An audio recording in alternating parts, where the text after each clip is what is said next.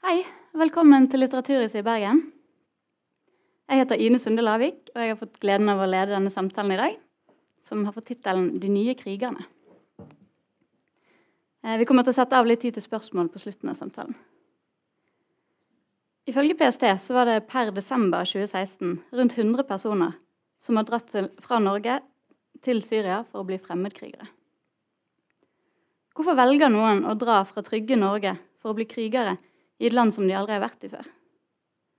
Hva er det som skjer når tilsynelatende vanlige ungdommer blir radikalisert? Det har blitt skrevet flere bøker om dette temaet i det siste. Blant annet har Åsne Seierstad sin bok om to søstre som drar til Syria, fått ganske mye oppmerksomhet. Men disse to herrene som sitter her, de har valgt å skrive om dette temaet i romanform. Demian Vitanza, som sitter ytterst her, debuterte i 2011 med romanen 'Urak', som Dagbladets anmelder kalte 'skrekkinngytende god'. Han er også dramatiker, og hans første helaftens skuespill det er oversatt til både dansk, fransk og kinesisk. Og Den nyeste boken hans er den vi skal snakke om i dag. Det er denne her. Den heter 'Dette livet eller det neste'. Eh, den bygger på samtaler som han har hatt med en mann som for tiden soner åtte år i fengsel for deltakelse i en terrororganisasjon.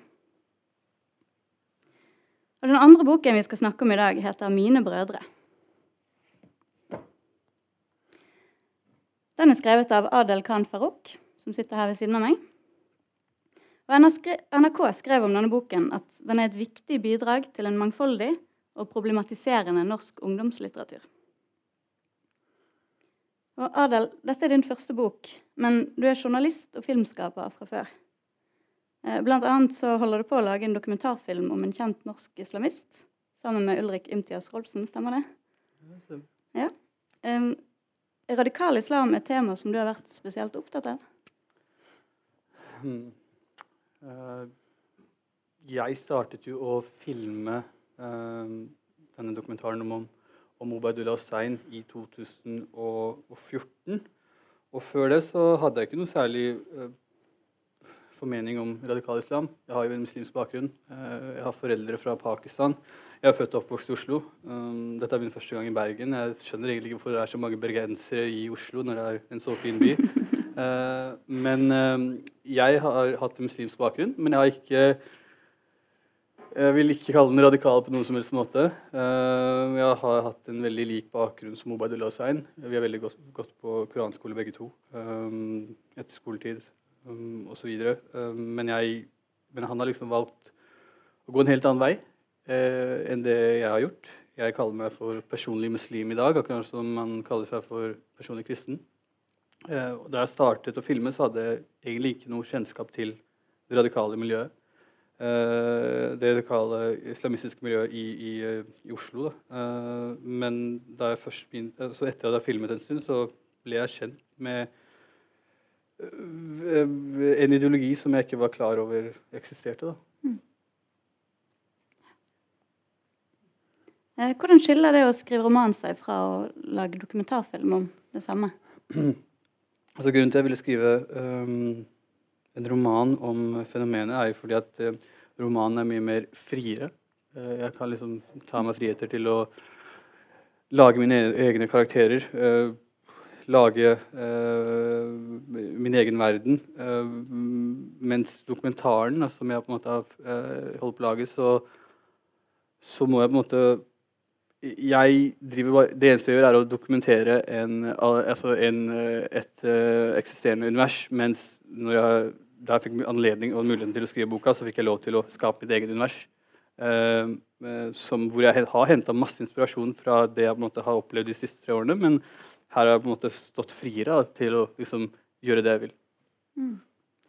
Var det der den interessen uh, Eller var det der tanken om å komme bok ja, altså jeg, jeg, ble jo på en måte landkjent da, for å ha vært med i en bil uh, hvor en 18-åring skulle dra til uh, til Syria, eh, og hvor vi vant den saken i Høyesterett og fikk tilbake de klippene som PST beslagla. Men jeg tenkte i ettertid, eh, etter liksom den seieren ok, eh, Det er faktisk mulighet for å, å skrive om dette her. og, liksom gjøre det mye større, da. På en eller annen måte. Altså skape et eget univers. og og, og, liksom fortelle de historiene som jeg har fått vite, men som jeg ikke har fått lov til å filme eller dekke gjennom dokumentaren. Og da tenkte jeg altså få det ned på papiret. Uh, og skrive en bok uh, som jeg vil at folk skal lese. Da. Uh, um, og da tenkte jeg at det er liksom det er, det er, så mye som jeg ikke har fått lov til å liksom dekke eller lov til, få lov til å filme. Karakterer. og da tenker jeg at det er bedre å liksom bare få inspirasjon, hente inspirasjon fra det jeg har opplevd, og skrive det i romanform. For da står jeg liksom friere til å gjøre det jeg vil, egentlig. Mm. Så tanken om å skrive roman kom før f.eks. en karakter eller en scene? Ja, altså, altså boka er fiktiv, uh, men det er fiksjon. Uh, men det er Jeg henta veldig mange, uh, jeg veldig mange altså inntrykk fra mitt eget liv. og henta veldig mye inspirasjon fra det jeg på en måte har opplevd de siste tre årene. Da, hvor jeg både har vært her. jeg har vært i København for, for å filme Obaidullah hylle en drapsmann under liksom, det angrepet mot synagogen der. Jeg har vært med til England for å filme eh, Anjem Chaudhry og kommende IS-bødler uten å vite det. ikke sant? Og liksom bare filma og spist mat med dem og ledd av vitsene deres. Og så plutselig så får man vite at de her har liksom dratt til Syria for å krige. Og da har jeg tenkt at eh, det har jeg ikke fått dokumentert, men det var kult å kanskje lage historien og skrive hvorfor de kanskje dro. det, og Skrive det i en romanform og, og liksom stå friere til å til å gjøre det, altså skape, skape, mine egne karakterer, men hente inspirasjon fra, fra virkeligheten. Mm. Kan du fortelle litt om hva romanen din handler om? Eh, boka mi er jo uh, Den er lagt til før og etter terrorangrepet i Paris. Um, det handler om en gutt fra Oslos østkant som bor på Mortensrud i Oslo. Uh, rett ved Holmlia, der jeg kommer fra. det handler om en gutt som på mange måter er han er tilsynelatende vanlig, altså vanlig, ungdom. Litt som deltidskriminell, holdt jeg på å si. Bryter seg inn i biler og, for å stjele spillere osv., men ikke noe mer enn det. Er forelsket i den peneste jenta i klassen som happens to be a muslim, liksom. Uh, han har jo uh, muslimsk bakgrunn selv, men er ikke særlig praktiserende. Han har en pakistansk bakgrunn, foreldre fra Pakistan. Han har en krevende mor, en far som ikke er til stede.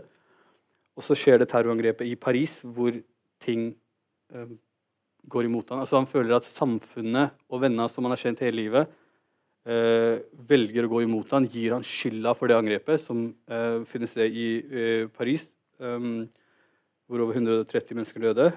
Og Det er liksom det her han, han, får høre, han, får høre, hjemme at du er ikke norsk.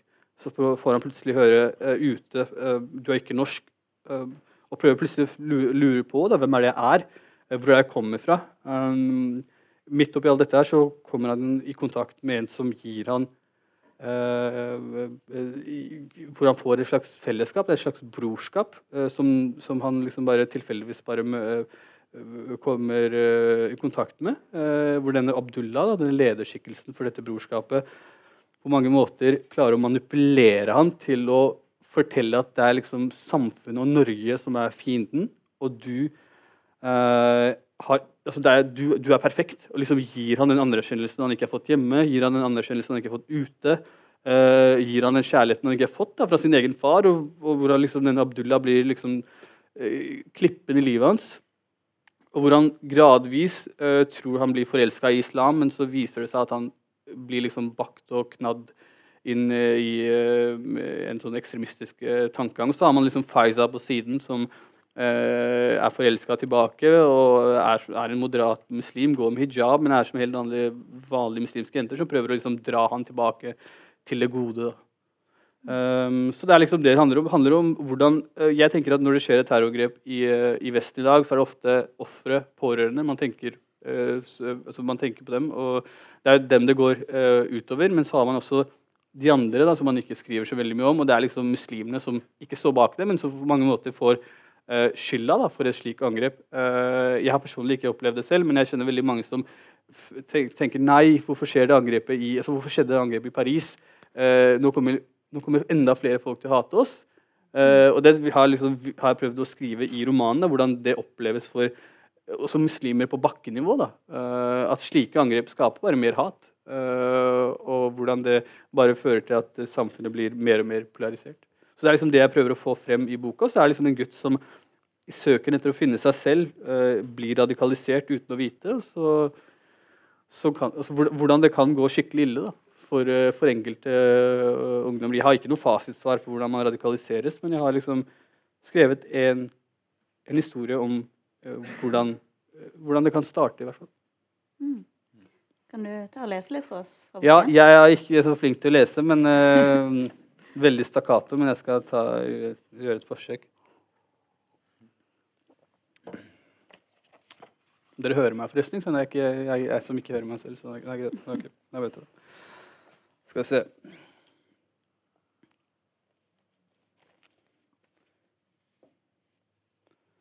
Det lukter stramt når jeg går opp trappa i blokka til Abdullah, og rødmalinga på veggen har falt av enkelte steder. Jeg tramper opp til nest siste etasje og går bort til den eneste døra som ikke er helt lukka. Fra innsida kommer det flere forskjellige stemmer jeg tar av meg skoa utafor og går inn. På innsida legger jeg jakka på en krakk der det allerede ligger flere i en klynge. Jeg går inn mot stua og finner Abdullah sittende på gulvet sammen med flere andre. Aslam lekum, bror. Du fant fram, sier Abdullah og viser meg det slående fine smilet sitt. Han sitter på et teppe midt i stua og er omgitt av en gjeng skjeggete karer uten bart. Den eneste som ikke har hår i ansiktet, er en gutt kanskje like gammel som Mozam. Alle har kjortler og bønneluer tredd over huet. De kunne vært brødre. Jeg greier ikke engang å skjelle dem fra hverandre. Likheten blir bare forsterka av at jeg føler meg som en komplett fremmed med min Levis-genser, vinterlue og glattbarberte hake. Dette er en bror som har kommet helt fra den andre siden av byen for å være med oss i dag. Ta vare på han slik vi pleier å ta vare på hverandre, forteller Abdullah til den lille forsamlinga. Han peker meg mot en plass mellom den lille gutten med kort skjegg som ligner på han. De håndhilser på meg, mens de, litt, mens de litt lenger unna smiler og nikker med huet for å si velkommen. Ytterst i rommet sitter en norsk kar med flott skjegg og himmelblå øyne.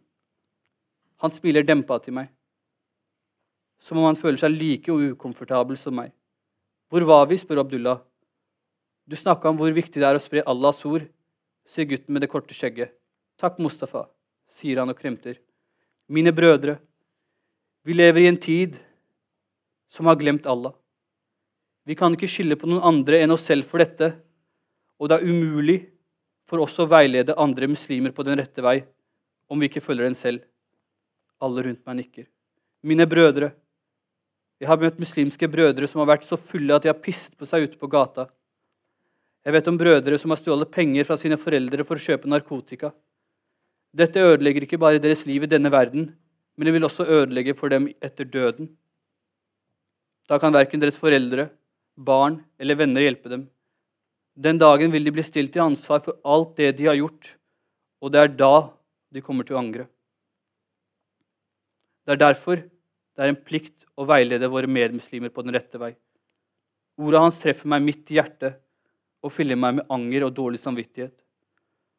Jeg kunne sikkert ha pissa ut en innsjø med alkohol hvis man, hvis man skulle måle hvor mye jeg har drukket det siste året. Jeg har visst at det har vært haram, men jeg har aldri brydd meg om hvilke konsekvenser det vil ha i det kommende livet. Men nå kjenner jeg den dårlige samvittigheten gnage meg under huden.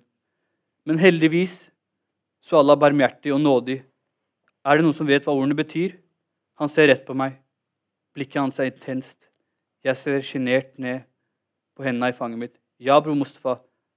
Barmhjertig betyr å være vennlig og god, mens nådig betyr å tilgi, svarer Mustafa. Abdullah begynner å smile. Helt riktig. Barmhjertig betyr å være vennlig, og i Allahs uforskyldte barmhjertighet finner vi Hans nåde, sier han og stryker skjegget sitt. Allah er tilgivende. Ønsker man tilgivelse, ber man bare om det. Det er ikke vanskeligere enn det. Allah alene gir og tilgir at han er tilgivende, og nåde gjentas gjennom hele Koranen. Vi gjentar det til og med hver gang vi ber. Hvis dere virkelig angrer på noe galt som dere har gjort, og ber Allah om tilgivelse, har han lovet å overse deres synd. Takk. Det var fint lest, det. Jo, takk. Nesten så ble jeg overrasket selv. Ja. Der ser du. Um, du leser noe om Abdullah, eh, som du sa litt om eh, rett før du leste. Eh, han står jo på en måte for det ene synet på islam i denne boken, og så var det denne klassevenninnen Faiza. Um, har det vært viktig for deg å ha med begge disse Ja, det har vært veldig viktig. Det er liksom, eh, jeg, eh, jeg husker Da det ble slaget ble gjort, jeg husker det veldig godt at så var det veldig mange som mente at vi burde gi fra oss de klippene som PST tok i beslag. For de mente at, Og det var veldig mange muslimer som mente fordi de mente at Ubaydullah får nok taletid. At det er greit at PC bruker det som bevis for å bure han inn. Men for oss så handlet jo det om sånn kildevern. at alle har liksom rett til å bli beskyttet, alle kilder, uavhengig om det er Breivik eller Ubaydullah. så det er veldig mange som muslimer som sier liksom, ja, men det er ingen som skriver om oss. Det er ingen som, ingen som skriver de fine sakene. At vi er helt vanlige mennesker, at vi betaler skatt og er integrert i samfunnet. Og Det var liksom veldig viktig for meg å få det i bokform og skrive at Faiza, denne klassevenninna, er liksom en, en, som, som, alle muslimer kan kjenne seg igjen i da, på en eller annen måte. Uh, og så er det uh, Abdullah som, uh, som, egentlig bare er en promille av den muslimske befolkningen i, i, Norge og verden. Jeg tror det finnes rundt 200 000 muslimer i Norge i dag, nesten. og det er kun 50-100 av dem som, uh, som, har litt sånn ekstreme altså Det er jo veldig mange som har ekstreme meninger, men jeg tenker at det er liksom 50-100 som, altså, som, har reist til Syria, og så er det rundt 40-50 som er en del av profetens omma av 200 000 muslimer i Norge. Og det har vært veldig viktig for meg å liksom, ha det skillet at, at, det finnes sånne som altså, Abdullah, uh, men det finnes langt flere mennesker som Faiza uh, i denne boka her.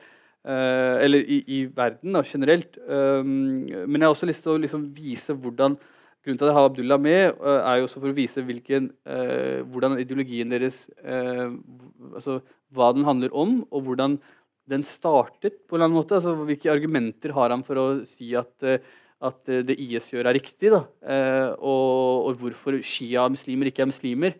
når alle andre muslimene i, i, verden for øvrig mener at de også er muslimer. sunnimuslimer. Eh, så var det veldig viktig for meg å liksom ha det, et sånn tydelig skille mellom radikale, ekstreme muslimer og vanlige, moderate muslimer, som jeg eh, og mener 99,9 av eh, alle muslimene i Norge er.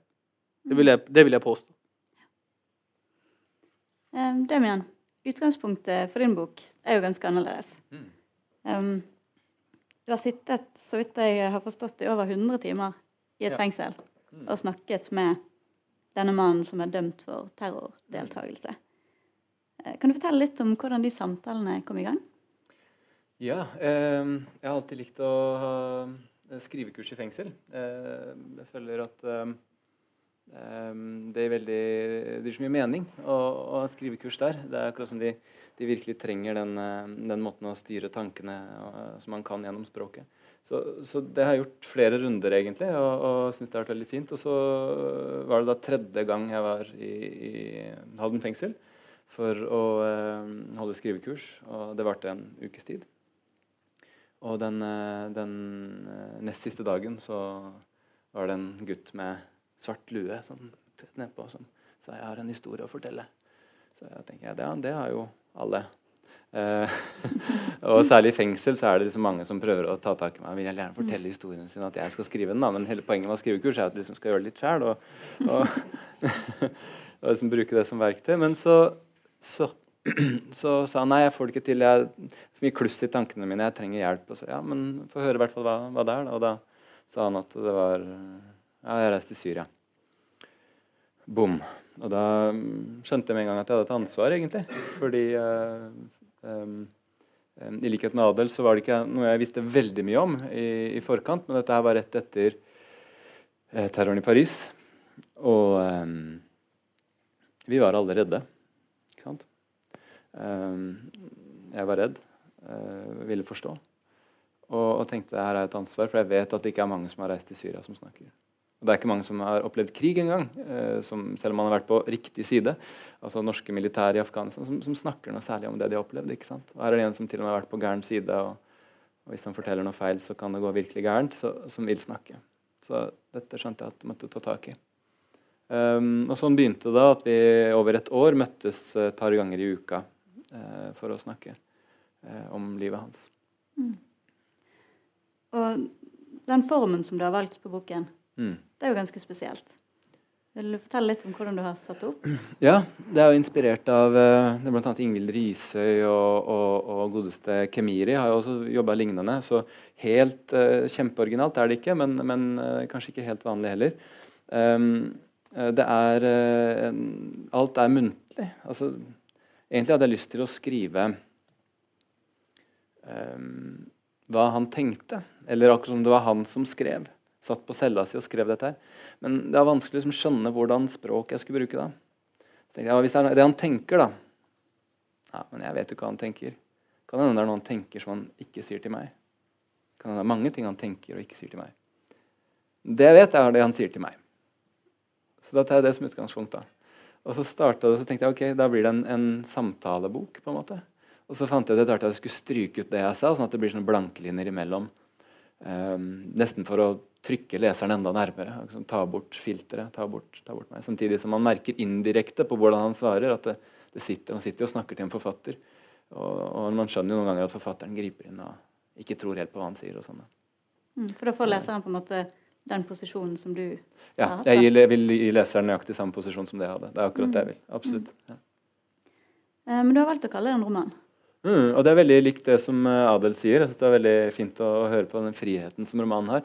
Den, den er utrolig viktig. Uh, altså uh, De fleste skjønner det, heldigvis, i, i, av, av, anmeldere og sånn, men, men det, det, er veldig viktig. Uh, det er veldig viktig å, å forstå at man kommer mye dypere som, som romanforfatter. Eller når man, når man, gir den andre rom. hvordan skal jeg forklare det? Eh, hvis man er redd for hva som blir brukt og ikke brukt av det man sier, da kommer man ingen vei med kilder. Ikke sant? Så du må gi en trygghet. Og, og, vi skjønte at ok, her skal vi si om ting, snakke om ting som er så sensitive. Som må gå utover så mange mennesker og så alvorlige konsekvenser at vi er nødt til å gjøre noen finter. Vi må finte ut PST, og vi må finte ut leserne litt. Grann. Hvorfor det? Det er fordi at, altså, det er straffbare hendelser også fra ungdomskriminalitet og sånn som vi måtte skrive om.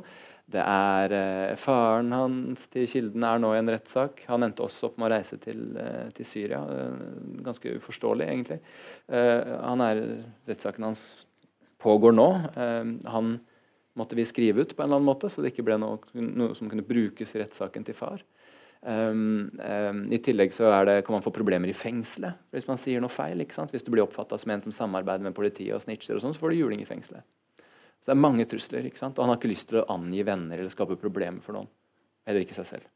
Og ikke meg heller. Så det var liksom premisset. Og da måtte det bli en roman. Ellers hadde det stått veldig lite der. Så det er vi lyver for å kunne være mer sanne. Og Det er det flere som sier, og jeg har også hørt av alle mennesker Tom Egeland sier at sånn, jeg får vite mye mer enn journalistene. Fordi man, uh, man, vet at her skal det liksom, bearbeides, og man får mulighet til å maskere noen ting. og liksom, bearbeide noen ting. Men det jeg skjønte, det vi, det vi, alle visste, var jo at dette er en person som har omtalt veldig mye i media. Eh, ikke sant? Det er vel syv stykk som har vært i Syria, som sitter i fengsel i dag. Det er ganske lett å skjønne hvem dette er. ikke sant? Så Det blir litt teit å bare lage en roman og så bare gi ut den. Så boka selv kommenterer at det er en roman, og boka selv kommenterer selve den fiksjonaliseringsprosessen og viser liksom urverket bak. Da. Eh, det var litt viktig å, å, å, å gjøre det, for, for, å på en måte ha den ærligheten og åpenheten. Eh, det er litt sånn som å sjekke tunge til PST. Og, og det, men vi måtte liksom vise det, da. Så, så det er også et, et, et lag her. da. Mm. På et tidspunkt så diskuterer, diskuterer de hvordan skal vi skrive ut faren av historien her. Vi må jo få vekk faren, for han, han kan vi ikke ha med. Så blir de enige om å sende at faren og moren skiller seg, og at faren reiser til Pakistan. Da er det greit. Da er det løst. Problemet løst. uh, så, så, det er en del sånne grep. Men han ville fortelle så mye som mulig. Det er jeg helt sikker på. Og man ser når han opplever likkjending i Syria av en Assad-soldat som har ikke et hode. Det var en kropp som blir dratt etter en bil i et tau. Han blir kvalm. Han innser at dette er uislamsk, mot islam. Men han sier eh, at han følte at det var godt. Han følte det var en ro. Og hvorfor det? Fordi sivilbefolkningen jublet og var glad og følte en ro. Dette er dette er ikke akkurat altså, han, han, Det er ikke akkurat et forsvarsskrift. Han går veldig langt i å, å, si hvor ekstreme syn han hadde. Så han ville fortelle så mye som mulig. Han ville fortelle hva han følte. Men det er litt som Man må på en måte ja, ljuge for å være ærligere. Men du opplevde at du kunne stole på det han fortalte? Jeg gjorde mye jobb rundt da, for å finne ut av hva som var mulig. og sånn, og gjorde masse research rundt. Og, og, men etter 150 timers uh, samtale så begynner man å kjenne hverandre litt. Um, til slutt så fortalte han meg også ting som altså, jeg, jeg, tror jeg vet egentlig fryktelig mye. Uh, det er, men det er ting som man ikke kan ha med i boka. og er, Jeg kan stå for det. Jeg kan stå for den historien. Uh, og så er det noen steder hvor man skjønner at forfatteren som sitter der og lytter, tviler på historien hans. Og det kan også dere få lov til som lesere. Det man skal tvile på historien hans. For alt er ikke sant. Men, men, de indre prosessene, det som driver han, uh, og, og, veldig mye om situasjonen i Syria, det kaoset.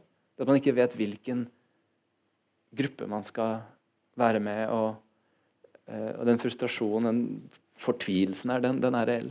Og det opplever jeg i høyeste grad. Jeg ser at han prøver, jeg ser at han strekker seg. Sliter jeg? Kan jeg fortelle dette? Ja, ja ok. Altså, ja. Sånn har det vært hele veien gjennom. Så jeg ser at eh, jeg ser, at, jeg ser en, en, gutt, eller nå har han, si han blitt en mann, som, som, eh, som prøver å fortelle sannheten. Kan du fortelle litt om bakgrunnen hans? Ja. Eh, Norsk-pakistansk. Eh, det er jo interessant det, altså Abel snakker om fraværende far. Eh, faren eh, til Tariq i, i romanen er eh, sitter i fengsel i oppveksten. Eh, og moren har ikke så stor kjennskap til norsk kultur. Hun har kommet inn litt senere til Norge. Så Far er i fengsel, mor knekker ikke helt kodene. Så han, liksom, han er en av de som kommer med plastpose i gymmen, ikke sant? fordi mor har ikke helt skjønt at det er viktig at de får en ordentlig gympose, eller gymbag. ikke sant? Eh, han er en av de som ikke har ski når de skal ha skidag, og vet liksom ikke helt hvordan man får gjøre det der som, som, alle vi liksom yngre særlig da, har, liksom, Vi har jo hatt, vokst opp med kompiser i klassen som har gått med plastpose i gymmen. ikke sant? Han var en av dem. Altså, er det noen sår der med dette med den fraværende faren? Um, og den fortvilelsen med å ikke helt uh, høre til, som, uh, som, da gjør at han tar en kriminell uh, retning. Og Det er også parallell til Adel. Og Vi vet jo det fra fra de som reiser til Syria, så er en ekstremt stor del har kriminell bakgrunn. Altså Kjempestor andel har vært innom kriminalitet. Det handler om å bygge ned terskler tenker jeg, for bruk av, av vold. Da. Altså ser på det som en måte å løse problemer. Det er bakket inn. Mm. Så det er litt av, av, av, bakgrunnen hans. Da, kan du si. Jeg kan også nevne raskt, Han reiser blir også sendt til en skole, en sånn internatskole. En, kadettskole faktisk, i Pakistan. Hvor det er ekstrem, brutal eh, eh, eh, brutalt regime. Hvor det er en sånn oberstløytnant, Kassar, som fiker til deg bare du ikke som står akkurat helt presist med hendene osv. Så, videre. Så han, han kom jo hjem med blåmerker og det ene og det andre. og, og um, Det er ganske hard behandling der. Så, så, det tror jeg også satt noen spor i form av det der med at man tenker, altså bygge ned terskel for bruk av vold. Da. Og da var han bare tolv år? Stemmer.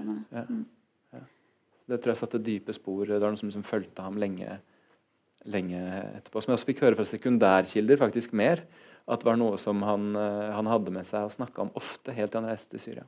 Sånn, sånn sterk opplevelse av, eh, av, av vold. da.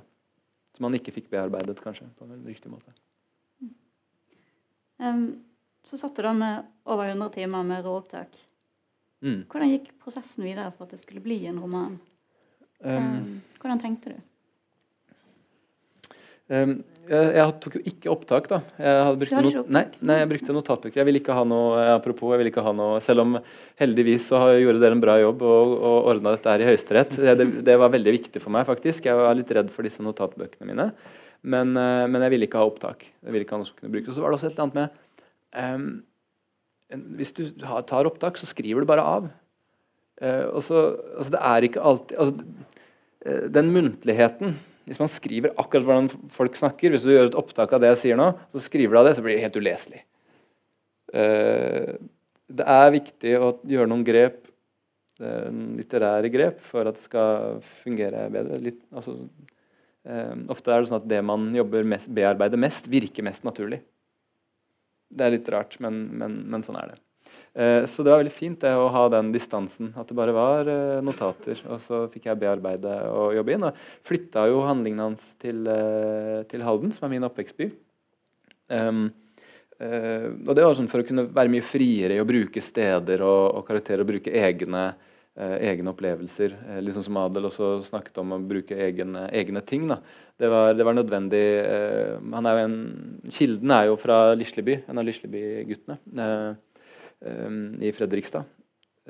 men hvis jeg hadde brukt det som sted, da hadde det vært mye som ikke hadde vært mulig å skrive om. F.eks. den kriminelle aktiviteten hans. Han drev jo deala og festa og slo ned folk og var ganske røff da, før han fant islam og roa seg veldig ned. Til han så tok en annen vei igjen. ja. mm.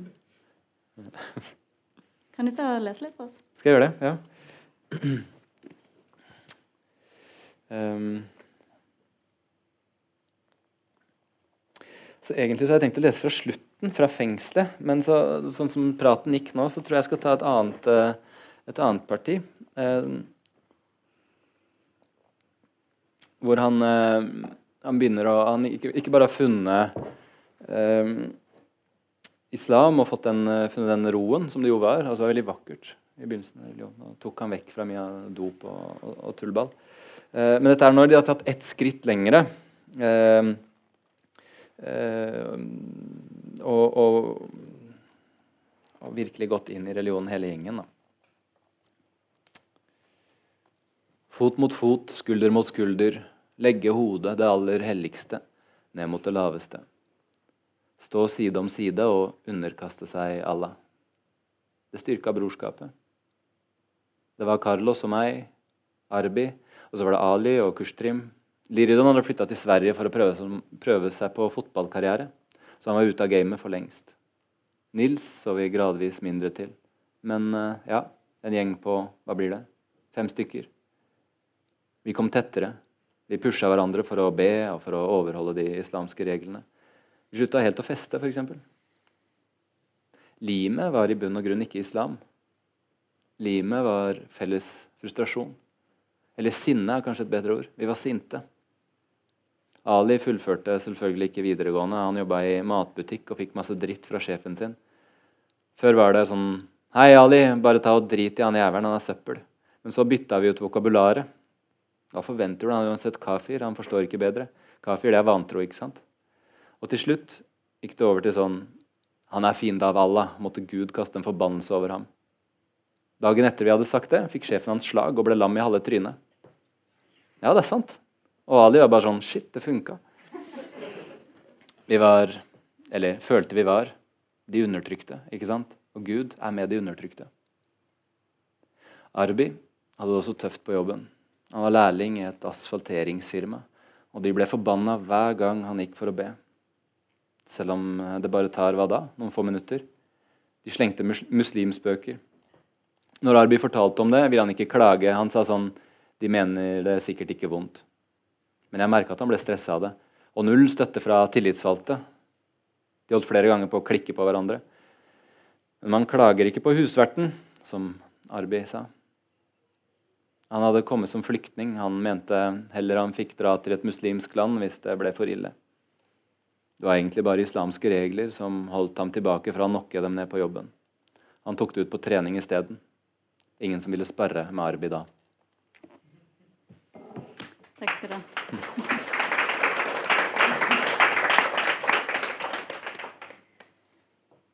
Tenkte på noe av det som du leste her, og også eh, noe som du snakket om i sted, er dette med utenforskap i det norske samfunnet. Mm. Eh, og at det er også en stor del av den prosessen som førte de på den veien de tok. Um, må vi se litt innover òg i det norske samfunnet for å og liksom holdninger til andre kulturer og religioner for å finne ut av hvorfor har dette skjedd. Det går litt til dere begge. Ja, altså Det er jo ikke bare fra Norge det drar folk, da. Eh, så vi har jo et problem i så fall i, i flere land. Eh, og jeg tror eh, det er jo mange som føler seg utenfor uten å reise noe sted. uten å ende opp på noe gærent spor. jeg føler meg veldig utenfor. men Så jeg tror det kommer i, i kombinasjon med andre faktorer. trygghet.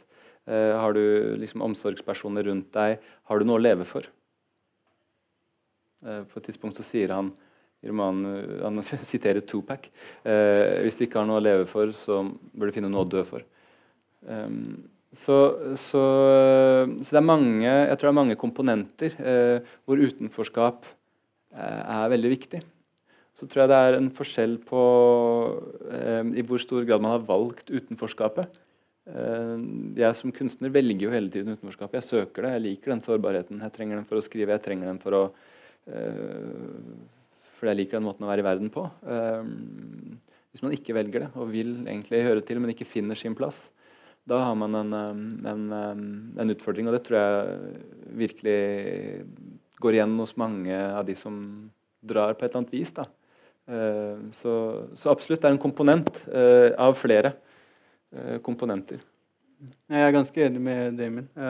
jeg tenker at etter å ha fulgt liksom, de miljøene her, så er liksom fellesnevneren at liksom, når man først blir en del av dette fellesskapet, så får man liksom eh, den familien man egentlig aldri hadde.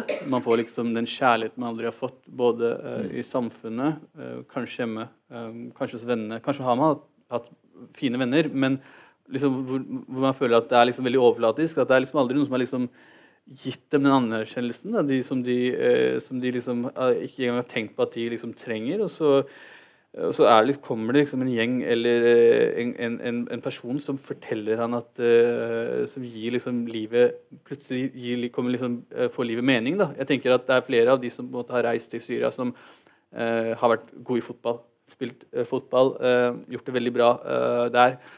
gjort kanskje OK hos damene òg, men det er liksom, plutselig så kommer det til et punkt hvor man tenker Er dette liksom meningen med livet? Mm. Er dette her jeg skal holde på med hele tida? Mm. Jeg har jo liksom følt møtte han Tom Alexander fra Halden som mistet livet sitt. Uh, som jeg møtte uh, både altså dagen før han reiste uten å vite at han skulle reise. Da liksom skjegget var borte. og visste ikke at han skulle reise før jeg liksom fant ut at han faktisk var der nede. Og da var det liksom, etter å ha fulgt han snakket med ham, så var det liksom det jeg har vært, uh, vært innom narkotika og liksom vært avhengig av dop. da, uh, Og kommet fra litt sånn tøffe kår hjemme.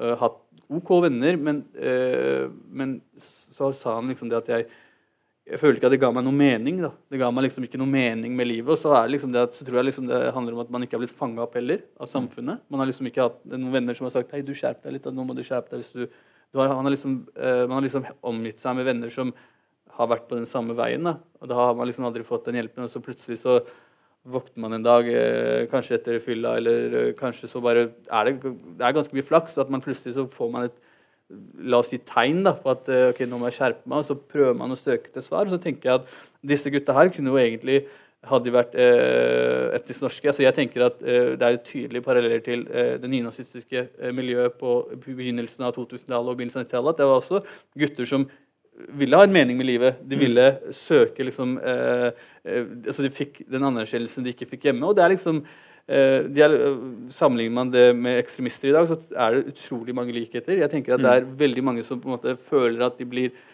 godtatt for det de er. Uh, uavhengig av det de har gjort tidligere. at Det betyr ingenting. Det er liksom, det er liksom Vi lever for nåtiden. Uh, og alt det som har skjedd, har ingenting å si. Og så tenker jeg at det er veldig mye det har veldig mye for um, altså Jeg vil ikke gi samfunnets skylda, jeg vil ikke gi foreldres skylda. Jeg tenker at Det er så mange forskjellige faktorer.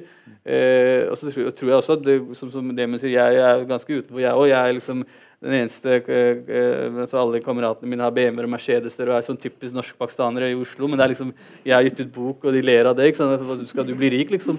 Uh, så det er liksom Jeg, jeg, jeg er liksom Jeg er også ganske sånn uh, fra liksom det kunstnermiljøet, vil jeg si, men jeg har følt meg litt sånn utenfor. Jeg har alltid følt meg utenfor, men det har liksom også gitt meg grobunn til å liksom utvikle meg selv. Da. Men så tror jeg det, har, tror jeg det handler om at, man, altså at, det er noen der ute som liksom, eh, er utenfor, men som ikke har, som ikke har liksom de sosiale antennene til å komme seg videre. tror jeg.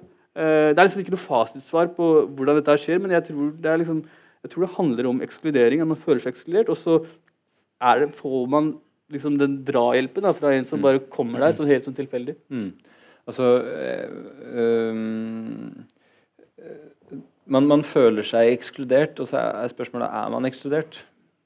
Uh, og jeg tror uh, sånn som ting har forandra seg helt i den siste tiden, så tror jeg vi kan begynne å si at ja, men det er såpass mye krass retorikk nå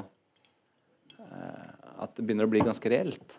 Eh, så jeg tror definitivt at eh, det er, noe vi kan må ta tak i, og, og det kommer definitivt ikke altså, det, var, det, var, det var jo eh, Isak, som kilden da heter. Han har gått ut med navn selv, så jeg bruker det. Han sier jo liksom altså Hege Storhaug er jo en gavepakke for islamistene. Ikke sant? Så det er jo, selvfølgelig er det en sammenheng, sammenheng der. Eh, men eh, jeg tror det, det Dette her med hvor, hvor, hvorfor er det noen som ikke tåler utenforskapet, da? Da tror jeg det kom, altså, Vi har jo alle våre sår. ikke sant? Det er, alle, alle har sår som mennesker. Um, knapt møtt et menneske som, som ikke bærer noen, noe med seg av, av, av sår. Uh, altså, Hvordan forholder vi oss til det? Hvordan løser vi det? Hvordan, uh, hvordan, jobb, hvordan bearbeider vi det? Um, og vi, vi lærer på forskjellige måter å bearbeide. Jeg bruker mye kunst og litteratur og sånn på, på min måte. Eh, jeg har min meditasjon, en fysisk praksis. Går tur i skogen. Hvilke av de eh, eh, teknikkene er tilgjengelige for en ung fyr som føler seg litt på utsiden og ikke helt knekker alle kodene. Um, da kan religion være viktig. Dop er det veldig mange som liksom, drukner, drukner sine sorger, drukner sine sår. Eh, det er mange som, eh, som, som, også finner hjelp i, i, i, religion. Det er veldig mange som tar det ut mot et, et sinne, enten mot seg selv eller mot noen. Så jeg tror det egentlig kan ses i sammenheng med hvilke teknikker brukes for å, for å forholde seg til egne sår, eh, som han har mange av. Det ser man også med fraværende far og føle seg utenfor og, og sånn. Så, så, der tror jeg også man kan, man kan uh, Hvis vi er inne på det der med selvran, altså på å stille spørsmål om hva kan vi gjøre bedre, kanskje eh, finne, finne, finne teknikker for dette i, eh, i forskjellige rom i samfunnet. Det kan være kunst, kulturarenaer, det kan være religiøse arenaer hvor det er rom for, for bearbeidelse. Da. Det er ingen, nesten ingen uh, utlendinger som går til psykologer, ikke sant? For eksempel. Uh, men ja. Men det, er, det jeg har også tenkt på, jeg tenker at det er også tegn på altså, fra min, altså Jeg sier jo at jeg har 100 kulturer. Jeg vet ikke om jeg fortsatt er norsk eller ikke, selv om jeg er født og oppvokst her. Men jeg tenker at i, altså, i den pakistanske kulturen så er liksom det å vise sårbarhet det er veldig, det er veldig feigt. Man skal ikke vise sårbarhet. Man skal være mann, man skal være tøff. Og jeg tenker, jeg, jeg, jeg kjenner til at det er veldig mange uh, utlendinger eller folk med uh, minoritetsbakgrunn som ikke går til psykologen. Mm. Jeg, jeg, tenker at det, det, der handler om uh, da, da, er man litt feig, da, tenker mm. man. At det der skal man ikke gjøre. Forteller jeg liksom bestekomraten min at jeg liksom drar til Hvis jeg har en psykolog, så er jo det liksom dritflaut. Men jeg, jeg, tenker også det du sier, du har et veldig viktig poeng. At disse ungdommene her har liksom ikke anlegg da, for å, å, få ut den frustrasjonen sin på en annen måte. Det er liksom, de drar ikke uh, på skogstur. Det er liksom mm. ikke det de, det ikke det som, uh, det er ikke det de tenker. da. Og det er liksom, det, Da gjør man liksom det enkleste og det, det, første man liksom ser når man trenger hjelp. og det er liksom Kanskje dra på nettet, se disse videoene her hvis man først blir interessert i dette. Plutselig så er man i moskeen. er en veldig vanlig kar å gå på altså, be, men så plutselig er det liksom en eller to-tre stykker der som bare kommer bort. Går det bra, eller? Hva, hva tenker du på? Og, og, så er man kanskje litt nede, og så kommer man litt i kontakt med dem, og så bare liksom, starter det liksom veldig uskyldig, men så blir det veldig alvorlig, og så plutselig så blir det liksom Det blir liksom den måten å utagere, da. Eller det blir liksom måten å få en frustrasjon eller, eller meditere på, kan du si. Mm. Så det tenker jeg er liksom At disse ungdommene her veldig, sliter litt med å liksom ha andre måter å finne seg selv på. Og, og, felles for begge bøkene er jo at de har ikke vokst opp med religion som noe veldig sånn sterk kraft, noen av de. Men i begynnelsen for begge to så blir det jo faktisk veldig positivt. ikke sant? Deres mm. møte med islam er jo, gjør jo at de får det mye bedre med seg sjøl. Det er jo som Adel sier, altså den historien om alle, alle de andre, alle de som ikke drar til Syria. ikke sant? For de fleste er det veldig bra, positivt. Det er en måte å vokse opp det er en måte å legge fra seg noen, noen litt kjipe ting. Jeg har hørt mange sånne type historier også. Men her så, så blander det seg etterpå med, med, en politikk som jeg også gjerne vil snakke om. Og, og, og, verdensbildet, og hvordan man skal reagere på det. Mm. Men, men, i utgangspunktet, ja, så er det en, en positiv uh, innflytelse på livet hans, vil jeg, vil jeg, si. Det var vakkert å høre når han beskrev, beskrev møtet med religion. Altså den, den dype, altså, ting ga mening. Himmelen var vakker. Plantene var fine. Altså, ikke mm. sant? Ja, jeg er helt, helt, eh, helt, helt, enig med deg. Og det er liksom, jeg har jo selv gått ut i media og sagt at jeg, jeg hadde jo en periode på, hvor jeg var sånn 16-17 hvor jeg først ble veldig sånn falt pladask for islam. Uh, og skulle bli liksom veldig religiøs, men så skjønte jeg at jeg gjorde det på feil grunnlag. fordi jeg var forelska i en jente, jeg òg, som også var muslim. og skulle imponere... Det er der du har det fra. ja, jeg har det litt derfra. Uh, så skulle jeg imponere henne, men det gikk jo ikke så bra, da. Ble for ekstrem. Nei da, jeg ble ikke det. Jeg prøvde også å bli kristen en gang av samme grunn. ja. Du gjorde det? Ja, det gikk veldig dårlig. Okay. ja, men Det er liksom, det starter veldig vakkert. Altså, for meg så var det liksom der, wow, dette her, altså jeg har jeg, har, jeg, har liksom, jeg, kan, jeg, kan, lese arabisk uh, flytende, men jeg forstår ikke bæret av det jeg leser. Så jeg vet ikke hva jeg leser. det er liksom et språk som jeg bare har blitt fortalt av moren min at du skal lese. Ja, men hvorfor skal jeg lese? Jeg forstår ikke. Ja, men Det er ikke så viktig hva du leser. Det viktigste er at du leser og kommer nærmere paradiset. Ikke tenk på hva du leser, liksom. Men det er liksom nå i ettertid at når jeg vokste opp, jeg tenkte at jeg må jo stille spørsmål til det jeg. Liksom, spørsmålstegn ved det jeg leser liksom, hva, kan jo kan være bombeoppskrift. Nei, det var jo ikke det. Men, da liksom, eh, men jeg tenker men det, det, er liksom, For meg så var det eh, Da så tenkte jeg ikke noe over det da jeg først begynte å lese Koranen. og så lærte, Jeg tror jeg kanskje leste Koranen tre-fire ganger uh, på et annet språk uten å vite det, frem til jeg var rundt tolv. Og så slutta jeg helt. at det var liksom nei, Nå er jeg ferdig med det, nå har jeg liksom runda det, nå, nå, er det fotball.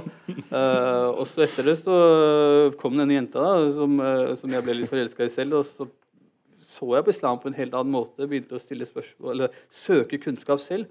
For min mor er jo fra Pakistan og har kommet da hun var rundt 25 år gammel. og har egentlig fått sånn, Hun har bare fått innarbeidet uh, altså Hun har aldri stilt spørsmål ved troen sin. Mm. Det er det som er, så, eh, er litt kjipt òg, fordi det er veldig mange mødre der, og fedre der som aldri har stilt spørsmål ved religionen sin. Det er liksom De har bare fått det fra sine foreldre, og sånn har det gått i generasjon eh, etter generasjon. Uh, men så begynte jeg å søke kunnskap selv, og da tenkte jeg wow, islam er faktisk ganske vakkert. Det, var ganske, det gir mening, det gir en slags indre ro. da. Uh, så, men så fant jeg jo liksom litt ut at det ble liksom det ble, Jeg ble liksom muslim på feil grunnlag. da. Det var liksom ikke for Gud, det var jo for en jente. Uh, og det, det funka jo ikke helt, det.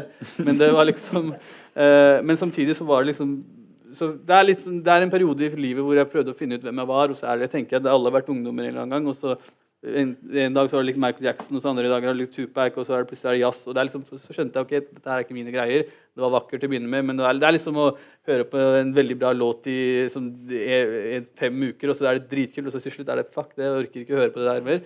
Uh, så det var litt sånn meg òg. Men uh, jeg, jeg, vil jo kalle meg personlig muslim i dag, da, så jeg har fortsatt et veldig tett bånd til, uh, til islam. Men jeg er ikke noe særlig praktiserende. men jeg har fortsatt, jeg tenker fortsatt at religion er noe veldig vakkert og det er noe veldig fint. Og så tenker jeg det er, og det tenker jeg det er, det er sånn det starter i min bok òg. Mm. At det starter litt sånn at det er noe veldig vakkert, og det gir liksom, fyller disse, denne karakteren med hovedkarakteren da, eh, med en slags ro. Og så plutselig så er det veldig lett å manipulere den roen da, til å handle om noe helt andre ting.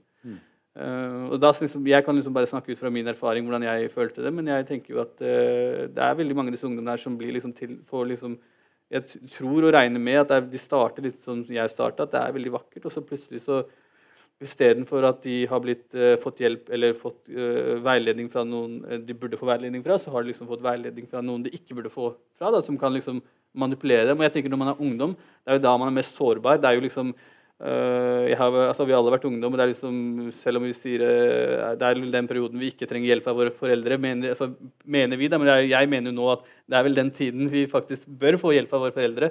Uh, og, og, så, og, så, får man liksom ikke den hjelpen, og så får man kanskje hjelpen fra noen som, som har egne agendaer. Mm.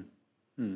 Det er liksom sånn den karakteren her utvikler seg òg. Det er fint og vakkert, og så plutselig blir det utrolig alvorlig.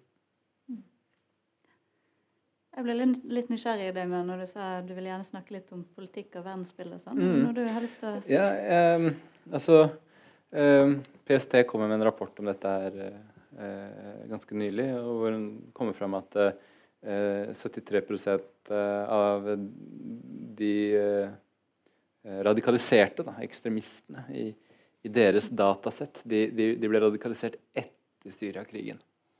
Um, så jeg tror det er uh, viktig å, å, si at det er flere komponenter her. Det er det personlige, som jeg snakka litt om. Den sårbarheten, uh, lidelsen. Så finner man noe religiøst. Men så er det også noe politisk der ute som, uh, som er viktig å, å, ta med i regninga her. Også. fordi um, nå har norske myndigheter, vi, sendt styrker til Syria for å trene opp noen grupper som vi ikke vet hvem er. vet ikke hvilke grupper de støtter. Eh, for et mål som vi ikke vet hva er. Vet ikke hva den norske eh, ja, Kanskje demokrati, på en eller annen måte. Altså, dette her er helt utrolig høl i huet. Eh, det er null plan. Det eneste man, grunnen til man gjør det, er, er selvfølgelig for å, for å, støtte opp om, om, om USA med den fantastiske presidenten jeg har der. Og det er jeg syns det er eh, problematisk at det er så lite eh, kritisk tenkning rundt dette her. Det er så lite kritisk tenkning, og det er lite Det er ingen sted, det er, ingen, det er veldig få sunne steder å putte sin aggresjon. Og aggresjon føler du når du setter deg inn i dette her. Når du ser hva som foregår. Da blir du lei deg. Du blir sint. Hvis du ikke blir sint, da er du nummen, altså. Og disse gutta de setter seg jo mer og mer inn i dette. De ser de videoene. Uh, og, og uh, altså jeg har jo på en måte uh, min bakgrunn fra samfunnsvitenskap og utviklingsstudier og jobba mye med krig og fred og, og konfliktsoner og svake stater og sånn, og vet at her fins det ikke noe quick fix og enkle løsninger. Men jeg skjønner sabla godt at noen velger å se det på den måten. Og det, det at kritikken mot generelt sånn kritikk mot kapitalisme, mot den veien samfunnet vårt er på vei, mot USAs intervensjonisme, mot vår egen intervensjonisme, er ganske svak i Norge. Da har du altså, Du går til radikale partier til og med på, på, på. Det er ingen som er ordentlig sinte. Det er ingen som kan kanalisere det sinnet de føler. Eh, politisk sinne. Som kan være et sunt sinne i visse tilfeller. Eh, men, men, her trenger man bra lederskap for å, for å, adressere dette sinnet på en konstruktiv måte. Og det er en vanskelig kunst. ikke sant? Så, så jeg syns også det er et eller annet litt slapt der med, med, den, med, den, med den, kritiske tenkningen. Eh, nå sier ikke jeg at, at jeg nødvendigvis uh, mener at Vesten bare er forderva, og, og, at det ikke er ja, men, men, eh, men, kritisk tenkning må, må finnes. Uh, og, og den, den, savner jeg. Så den politiske biten der, den, eh, den må med i ligninga. Men det ligger noen religiøse grunner bak det. fordi at uh, denne Konflikten i Syria er jo en konflikt, uh, også en sekterisk konflikt mellom sunnimuslimer og sjiamuslimer. De som på en måte har reist ned fra Norge og har blitt syriafare, har på en måte hovedsakelig reist ned for å bli del av sunnigrupper. Syria som er styrt av Bashar al-Assad, er en del av er en alawitt, som er en slags undergren av, av shia-islam. Og mange, mange, av disse, eller de fleste vil jeg påstå, som drar ned for å bli syriafare, mener jo at shia-muslimer ikke er muslimer. Det, altså, det, er, det, er, det, går langt tilbake i tid. Shia og sunni bare sånn, forklarer veldig sånn, kort hva forskjellen er. Så er det jo hvem som skulle bli etterfølgeren etter profetens død. Noen mente at det skulle bli Eh, være eh, profeten Mohammeds eh, fetter, mens andre mente at det skulle være hans bestevenn Abu Bakr.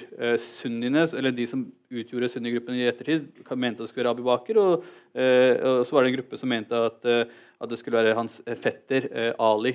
og det er liksom der skillet starter. Men så er det veldig mange likheter. Det er flere likheter enn ulikheter. ulikheter og Det er liksom én koran, én gud, én profet.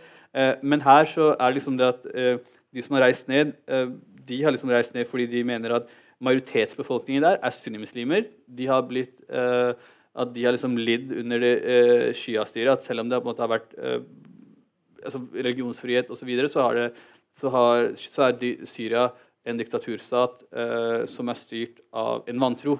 For sunnimus, disse sunnimuslimene eh, eller de har jo bak, altså bakgrunn som sunnimuslimer, de ser ikke på oss som shia som muslimer. Så de mener jo også at det er et religiøst kall at, nå, eh, at man skal gå ned og krige mot de vantro. Eh, både eh, altså gruppene som kjemper mot, eh, mot muslimene eh, i Syria og Irak, men også Syria, også, også shia, shiaene, da, som, som, er liksom en del av Som de mener støtter Assad. Så det er liksom noen religiøse grunner der òg. Jeg tenker også at grunnen til at det er, at det er blitt flere syriafarere, eller flere som har reist ned i krigen, er fordi at det er jo veldig, det er jo veldig porøs grense uh, mellom Tyrkia og Syria. Det er veldig lett å komme seg ned. Det er vel den konflikten man føler at det er veldig lett å uh, Nå er det vanskelig å bidra, uh, men på det tidspunktet da Syriakrigen var ganske ny, så var det veldig lett å komme seg over grensen og bidra da, militært. og Det samme skjedde under Taliban, da Taliban skulle kriget mot Sovjet. Også, at, liksom at det vekket et slags kall da, for veldig mange muslimer der ute Eh, for Taliban er også sunnimuslimer. Uh, og det, var, det, det samme liksom, så man nå frem til grensene på en måte har blitt stengt nå. Det blir vanskeligere å bli syriafarer nå i dag. Så det er et religiøst kall hvor man føler at det er liksom en uh, undertrykkende hersker da, som prøver å ta livet av majoritetsbefolkningen som på en måte man hevder er sunnimuslimer. Og så, jeg mener jo at alle er muslimer, om man er shia eller sunni, har egentlig, egentlig, egentlig ingenting å si. Eh, men de mener jo at, eh, at, um, at shiaene har et, et, annet levesett, og dermed så er de også et vantro. Og siden den konflikten er så lett å nå, så er det en plikt å dra ned dit enn å for dra ned til uh, Israel og krige der, fordi det er mye mer vanskeligere. Så jeg vil gjerne ha den religiøse biten med. Og jeg er helt enig med deg om den politiske. At det er, det er en politisk del der som man, man, man glemmer. Da, at det, er, en propagandakrig. Mm. tenker jeg. Og akkurat når det kommer til Shia Sunni, så er det jo også veldig vevd sammen med politikken. Jeg skal ikke gå inn i det nå, for det kan liksom bli litt for sånn, historisk. Men det som skjedde i Irak i 2003, med det skiftet der fra sunni til shia, er jo en veldig viktig mm. del av forståelsen her. Så det er jo som politikk, eh, utlandet, innlandet eh, og det sekteriske er jo så vevd sammen at det er vanskelig å si hvor det ene starter og det andre slutter. Eller det andre begynner. Veldig komplekst og interessant. Jeg tror vi skal åpne litt for spørsmål fra salen, hvis det er noen som uh, har noe å komme med. Ja, det var en bak der.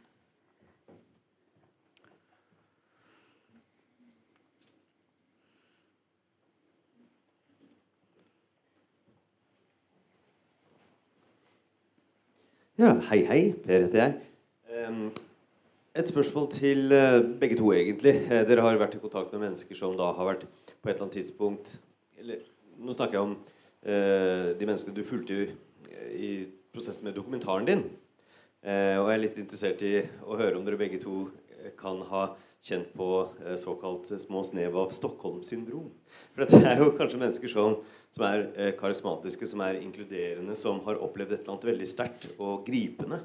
Eh, og når man blir kjent og tilbringer tid med mennesker at, eh, Har dere selv kjent på tiltrekning eller dragningen mot de delene som har måttet eh, smitte og tenne dette kallet eller lyset i dem? Og hvordan håndterer man det? Får man også da lyst til å motmisjonere? Eller har, hvordan er nettopp det et møte som et mellommenneskelig møte der det faktisk er følelser eh, i spill? For det syns jeg begge dere setter eh, mm. veldig fint ord på, som kanskje ikke er så til, til stede i den gjengse analysen av problemstillingen. Mm. Mm. Dere har jo virkelig eh, gjort et stort arbeid på vegne av oss alle. på en måte Å gå inn og virkelig ha mellommenneskelige møter. Og da blir man jo mm. også påvirket, fordi man speiler seg. Man vil gjerne oppnå en konsensus, møtes et eller annet sted. Så om dere kunne snakke litt om, om det på hver deres kant, så hadde det vært veldig fascinerende.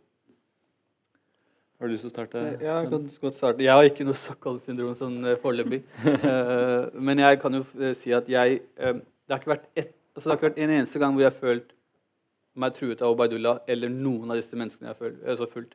Jeg har tvert imot følt uh, Det er veldig rart. Jeg, det det ikke, jeg vil ikke kalle det Stockholm-syndrom, men jeg vil kalle at jeg kalle det litt sånn Altså jeg, har jo, eh, i ettertid funnet ut at en av de jeg måtte, møtte i London, eh, der var det Mobadullah, fikk 22 års fengsel. Eh, jeg vet ikke om dere husker det der Lee Rigby-drapet, hvor det var en som drepte en, åpen, en mann med machete på åpen gate. En soldat. Jeg, jeg, møtte ikke han, men jeg møtte en annen 19-åring som plutselig, etter at jeg dro, skulle gjøre akkurat det samme. Som jeg hadde spist mat med, som jeg hadde liksom ledd med og liksom bare tenkt at dette her er en konvertitt som har ekstreme meninger. Uh, men jeg liksom, liksom, Hver eneste gang da jeg var og filmet disse guttene her og møtte dem, så fikk jeg liksom følelse av at altså, De prøvde aldri å radikalisere meg eller, eller de prøvde aldri å, å snakke, forkynne islam overfor meg, men jeg fikk en slags følelse av at et fellesskap. Da, at jeg plutselig ble del av et fellesskap. Eh, de brydde seg ikke om jeg var, eh, hvor jeg var fra, om jeg var norsk pakistaner eh, fra Oslo. Altså, de brydde seg ikke om noe som helst. Det var liksom bare Kom hit, og så snakka vi litt om fotball, og vi snakka litt om alt mulig andre ting enn en, eh, altså De snakka om hvor mange altså, jenter plutselig, og det var liksom veldig sært for meg. Jeg tenkte, ok, skal man, Dere skal ikke snakke om jenter, dere. Men det er liksom jeg fikk en slags følelse av at dette er, det ble en slags kompisgjeng. da. Jeg vil ikke kalle dem kompiser, men jeg følte meg plutselig, selv om jeg ikke kjente dem, så følte jeg som om de, prøvde, som om de kjente meg. Og som, om, som jeg, og jeg følte plutselig, Selv om jeg var liksom uh, regissør og fotograf og, og, skulle lage en dokumentarfilm, så var det en slags følelse at når kameraet var slått av, så var det liksom som å sitte her med noen kamerater og snakke, spise mat og, og, og, hygge seg. Det, er ganske ubehagelig å si det når man vet hva de måte, står for, men jeg skal, kan med hånd på hjertet si at det er jeg, det, der og da så var det, liksom, det var hyggelige mennesker. Altså, de snakka om hyggelige ting. Vi snakka ikke om krig, vi snakka ikke om drap. Vi snakka om uh, været, vi snakka om fotball. Om hvorfor England aldri liksom vinner noe i, i, VM eller EM. Liksom. Og er, og for meg så var det veldig spesielt. Jeg stille liksom, Før jeg går og svarer, ja. pirka du litt grann, Pirka du lite grann i, i, i liksom, de vanskelige spørsmålene også? Det... Ja, jeg pirka veldig mye i de vanskelige spørsmålene. Uh, jeg var veldig tydelig på at dette her var ikke noe jeg sto for. Jeg, jeg, jeg har muslimsk bakgrunn, men jeg, jeg står ikke for noen av disse greiene her. Og det tror jeg de visste. Men jeg tror likevel at det ga meg at jeg hadde muslimsk bakgrunn, gjorde det litt, litt enklere for meg å få aksept òg. Det vil jeg tørre å påstå. Absolutt. Ja. Det vil jeg tro. Ja, nei, jeg, jeg, um, det er et veldig godt spørsmål. Veldig viktig spørsmål. Man, jeg kunne ikke skrevet denne boka her hvis det ikke hadde utvikla seg et vennskap. Det står jeg gjerne for. Han ringte meg i dag, jeg skulle hilse. Eh, jeg ringte fra fengsel. De har 20 minutter i uka, så hender jeg får sånn fem, fem, minutter. Resten går til familien. Så, så han, han, hadde glemt jeg skulle på litt Å, er det Bergen, ja? Så, så ja, vi har uh, en god, god relasjon. Det betyr jo ikke at jeg Sånn som jeg har det med mine venner ellers også, så slutter jeg ikke å være kritisk mot mine venner. Så det går an å ha et veldig varmt hjerte og et kaldt sinn. og det er en balanse som er viktig. Eh, og så tror Jeg jeg hadde vært litt forsiktig med å si det offentlig hvis det hadde vært en dokumentarbok, for det ville svekket meg. Men selvfølgelig. altså, Du klarer ikke å gjøre en god jobb som dette her hvis du ikke er altså, Når jeg hører på det, så tenker jeg han har gjort en bra jobb. Hvis de snakker og er sånn naturlig avslappa, sånn, da har han gjort en bra jobb. Det er det du, som skal til ikke sant? Før, du, før du får innpass. Um, um, så sånn, sånn, er det, og jeg har veldig respekt for, uh, for Kilde og Kildens integritet. Men um, gjør det at man slutter Er det problematisk på noen måte? Det er vel det du vil frem til. Er det noe man går glipp av? Um, jeg opplevde ikke det. Tvert imot så var det større og større rom for at jeg kunne være skikkelig kritisk. Så vet du hva, nå tror jeg ikke på det. Og så er det rolig etterpå. Vi, og vi fortsetter samtalen, og, han, han, og, og, det går videre. Det er da man faktisk kan, kan åpne opp. Hvis du starter med å liksom være kritisk og kald, og sånn kommer du ingen vei. Så, så eh, det, er, det, er, et veldig, veldig, godt spørsmål, og jeg, jeg liksom egentlig eh, Det har et svar. Eh, for min del, i hvert fall sånn som jeg fungerer, så klarer jeg, mener jeg, å være eh, kritisk og prøve å liksom finne eh, altså Selv om man har den, den nære relasjonen. Da. Er det ja.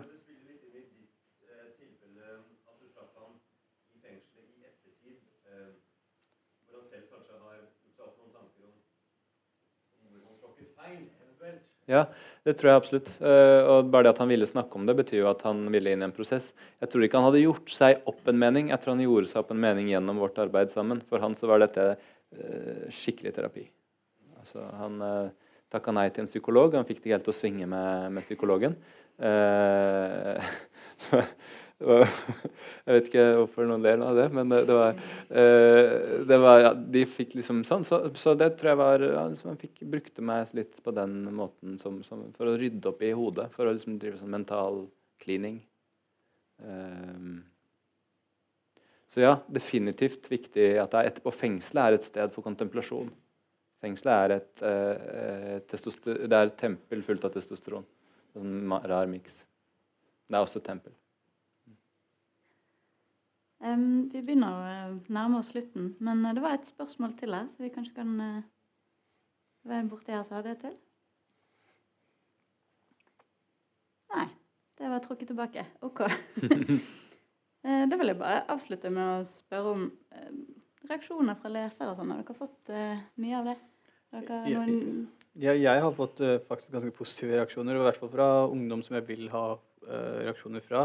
Det er veldig mange ungdommer som har lest boka og tenker oh, endelig kom det en bok som jeg kan kjenne meg igjen i. Og, og det, har vært veldig, det har vært veldig deilig. da.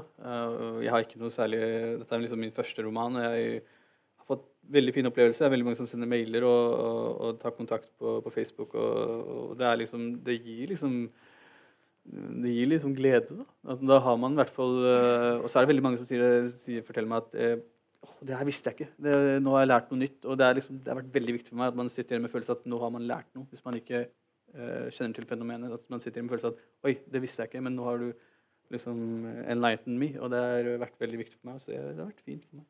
Mm. Nei, altså, de bare, For meg har de bare revet opp bøkene og brent dem på bål og sånn. Så det gikk ikke så bra. Nei, eh, altså, eh, Det har gått veldig fint, og eh, det er kanskje det jeg blir mest glad for. Var, for at, altså, Den delen i Norge den har man jo mulighet til å kontrollere mer. og den har jeg skrevet om og hatt veldig mye i Syria ja, det er ekstremt vanskelig å, å etterprøve ting. Det er kjempevanskelig å, å sjekke det, Domstolen fikk det heller ikke til. Domstolen har ikke peiling på hva han gjør i Syria. Det var noen få få, få antydninger til bevis som han ble dømt på. Det er så tynt grunnlag at det er nesten så noen burde, jurister burde ta oss og se litt nærmere på det. Det er liksom utrolig, utrolig tynt. altså, Noen få tekstmeldinger. De hadde noen bilder òg. Du må jo si Ja, ja, han var jo militant. Det var han jo. Det... Ja, Han hadde jo gevær og sånn, kjempet jo og sånt. Det er ikke noe tvil om det. Men hvilken gruppe han var Det er jo lov å kjempe med Aral al-Sham eller FSA. Så det er jo forskjellig. Så, så, så det eh, men, men, det som jeg synes var veldig interessant var, så Det er mange som har stilt spørsmål. Da, ved, og her har han jo også våpen. Han sier jo det. Også, og er ute og, og vil, vil, kjempe og er ute ved, ved, ved fronten. og sånn. Men allikevel er det mange som stiller spørsmål. Da vil ikke helt tro på det med Syria, for det er så ikke sant? Eh, touchy, så det regner man med at var. Men så, så kom det en veldig hyggelig melding fra Kristin Solberg, som er, jo er uh, korrespondent, og som var i Syria uh, ikke så lenge. Utrolig modig. Hun var der i, må ha vært i 2012, ett år før han var der. Og så han møtte flere som Tariq. Og det er utrolig tilfeldig hvilken gruppe man ender opp i. og Hun kunne forstå dette, en fra innsiden, og det, det varmet veldig. Eh, så det er mange som tror at ja, når du reiser ned, da er du helt sikkert med i IS fra dag én og bare vil sprenge sivile i lufta. og ikke sant, bare sånn. Men der så liksom nyansene, og at man kan være forvirret, og at man kan ha Så det var sånn, sånn, varmet litt ekstra, eh, må jeg si. da, Å få en sånn, det, hennes, hennes, blikk. Men som sagt, ellers har det bare vært bokbrenning og elende. Altså. Ja, da tror jeg vi må eh, si takk for oss. Um, Jenny sitter bak her og selger bøker. Så begge de to her er til salgs. Pluss en av dine eldre bøker, forstår jeg. Mm. Så det er bare å gå og ta en titt der hvis dere vil det. Så vil jeg bare si tusen takk til dere to her på scenen, og tusen takk til publikum. Jeg vil også få takke.